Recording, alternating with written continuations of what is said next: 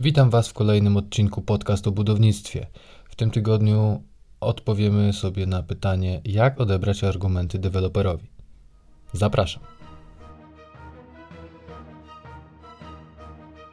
Zwykle na odbiorze mam taką sytuację, że nie wiadomo co zrobić z usterkami. Deweloper z jednej strony jest zobowiązany wszystkie je usunąć, a z drugiej strony nam zależy, żeby jak najszybciej się tam przeprowadzić. Gotuje się w nas, że musimy borykać się z taką rozterką, czy w ogóle zgłaszać usterkę, czy brać to na siebie, samemu e, to poprawiać, czy kłócić się z deweloperem, żeby zrobił to jak najszybciej. Aktualnie w dobie koronawirusa deweloperzy coraz częściej mówią, że mm, Naprawa takich usterek zajmie im 90, 90 dni, ponieważ specustawa zezwala im na to, żeby wydłużyć ten termin z 30 dni ustawowych do 90 dni. Oczywiście mówiłem już o tym, że żeby to wydłużyć, należałoby udowodnić, że zaszły, zaistniała sytuacja, w której podwykonawca nie był w stanie usunąć wskazanych usterek w 30 dni, ponieważ na przykład część jego załogi pracowników e, była na kwarantannie albo nie dostarczyli mu materiału. Irytujące jest to, że stajemy przed takim człowiekiem od dewelopera i on nam mówi, że to zajmie 90 dni. Albo jeżeli jest nawet uczciwy, powie, że zajmie mu to 30 dni. Nie maksymalnie 30 dni. Mnie to wkurza. No i to jest jeden z argumentów, który można odebrać deweloperowi, znając te zapisy ustawy deweloperskiej, że bardzo nam przykro, ale ma pan 90 dni i to maksymalnie.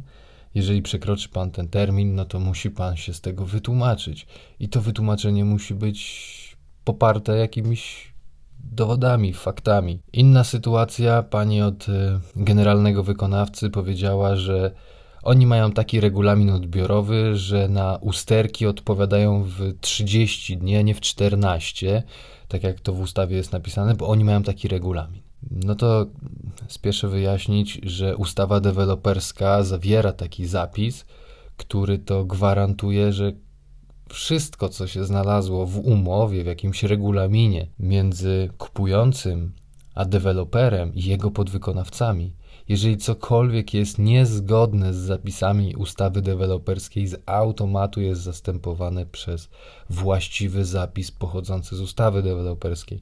W związku z czym, jeżeli ktoś Wam mówi, że będzie odpowiadał na usterki w 30 dni, bo on tak ma u siebie, no to możecie go wyprowadzić z błędu, ponieważ tak nie będzie, ma to zrobić w 14 dni. Kolejnym przykładem jest mm, różnica pomiędzy warunkami technicznymi, według których odbieramy roboty budowlane, a normami.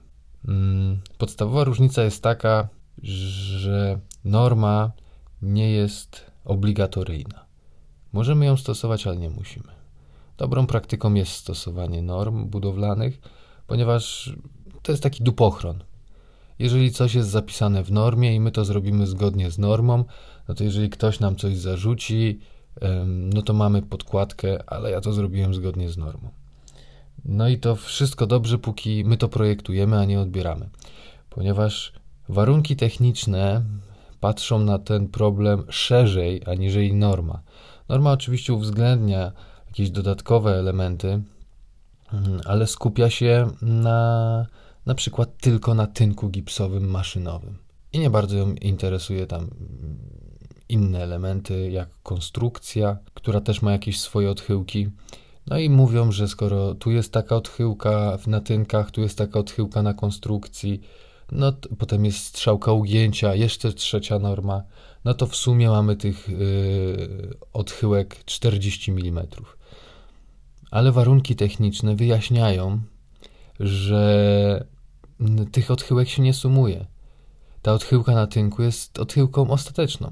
No i to jest kolejny argument, który można wytrącić z rąk deweloperowi, ponieważ jeżeli on zmusza nas do korzystania z normy, a nie zapisał sobie w umowie, że z takiej normy będzie korzystał, że podczas odbioru należy stosować jakieś konkretne wytyczne co do mm, oceny mm, jego robót, no to możemy skorzystać z czego chcemy. A warunki techniczne są najbardziej obszernym opracowaniem co do wszystkich e, elementów w budynku. No i z nich oczywiście najwygodniej jest korzystać. Poza tym one mają najostrzejsze odchyłki. Jeżeli norma mówi, że coś może mieć 4 mm na przykład odchyłka od y, kąta zadanego zwykle prostego na ścianie, no to norma ma 4 mm, a warunki techniczne 3.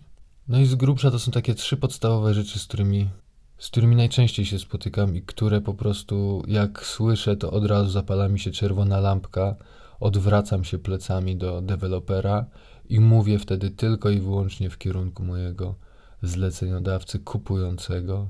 Taką wyrecytowaną formułkę, z, na prawie każdym odbiorze ją powtarzam. Że zgodnie z ustawą deweloperską ma pan prawo do tego, tego i tego.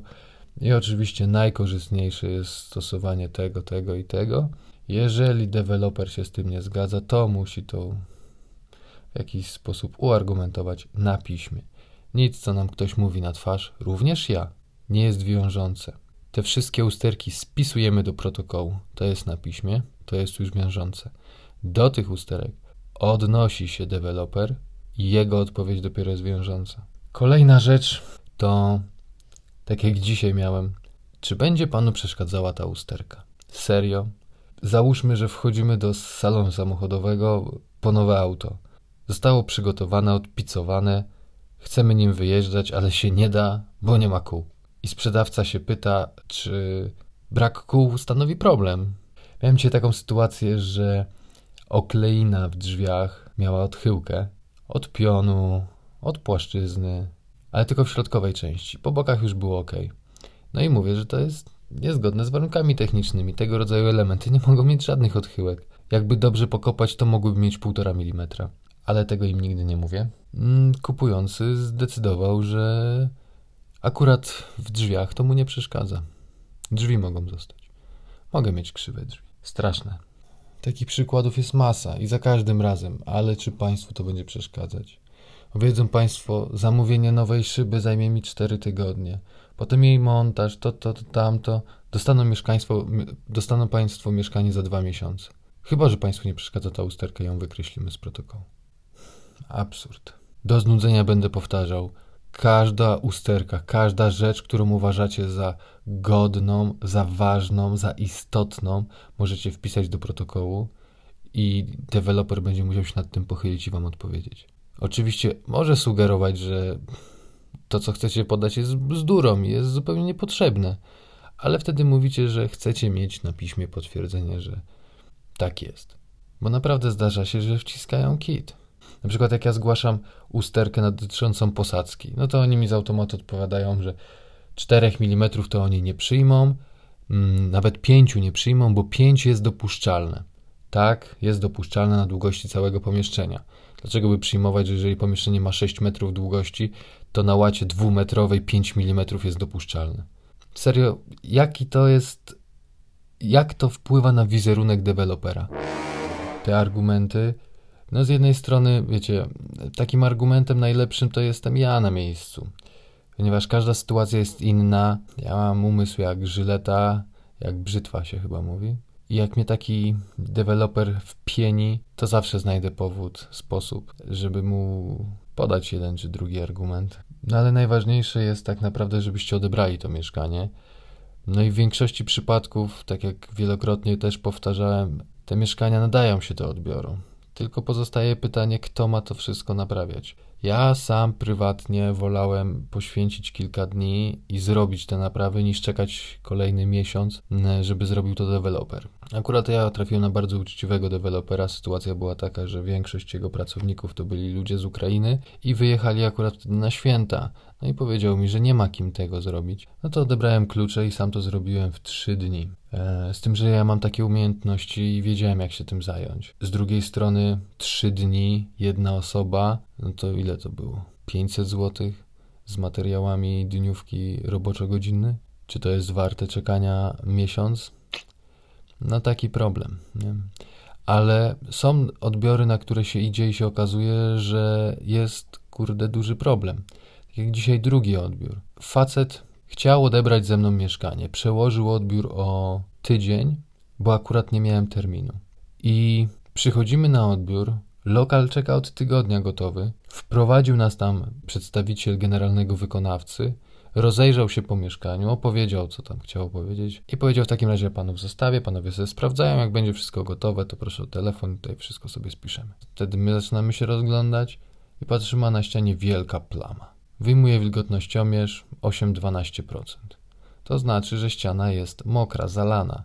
Ktoś ci wydaje takie mieszkanie, już pal licho, że nie wiem, jest brudno, okna nieumyte, posadzki całe mm, e, w gruzie, że nie można łaty położyć, rys na oknach sprawdzić, no. Ale kiedy jest taka ewidentna usterka, że trzeba zerwać tynk ze ściany na metrze kwadratowym, osuszyć tą y, ścianę, znaleźć skąd ten wyciek, bo to nie było kwestia wilgoci technologicznej, no tam się po prostu coś wydarzyło takiego, że no, no takie rzeczy mnie oburzają. No i na ta, na ta, z tego powodu ja chodzę na odbiory. Bo raz w tygodniu mam taki odbiór, że po prostu nóż się w kieszeni otwiera. Nie dlatego, że trafi się chamski deweloper i to powtarzałem wielokrotnie, że 10% z moich odbiorów to są odbiory, których, lokale, których się nie powinno odbierać tylko zostawicie deweloperowi, niech on usuwa usterki. W tym przypadku akurat nie, nie ma e, przeciwwskazań, żeby się wycofywać z zakupu, natomiast deweloper powinien jasno wyjaśnić, skąd ta wilgoć się wzięła, bo jakby reszta lokalu nie wskazywała, żeby to była wilgoć technologiczna, tylko jakaś usterka. Podałem Wam kilka przykładów, jak sobie poradzić e, z absurdalnymi pomysłami dewelopera. Mm, no wszystkich nie jestem w stanie wyrecytować, bo tak jak mówię, na każdym odbiorze wymyślają coś nowego. E, dzięki, że tego wysłuchaliście. Mm, mam nadzieję, że wracamy do cotygodniowego podcastu, chociaż odpocząłem nie nagrywając w ubiegłym tygodniu, ale na wszelki wypadek zapraszam Was za tydzień. Dzięki, że posłuchaliście. Do usłyszenia. Cześć, pozdrawiam.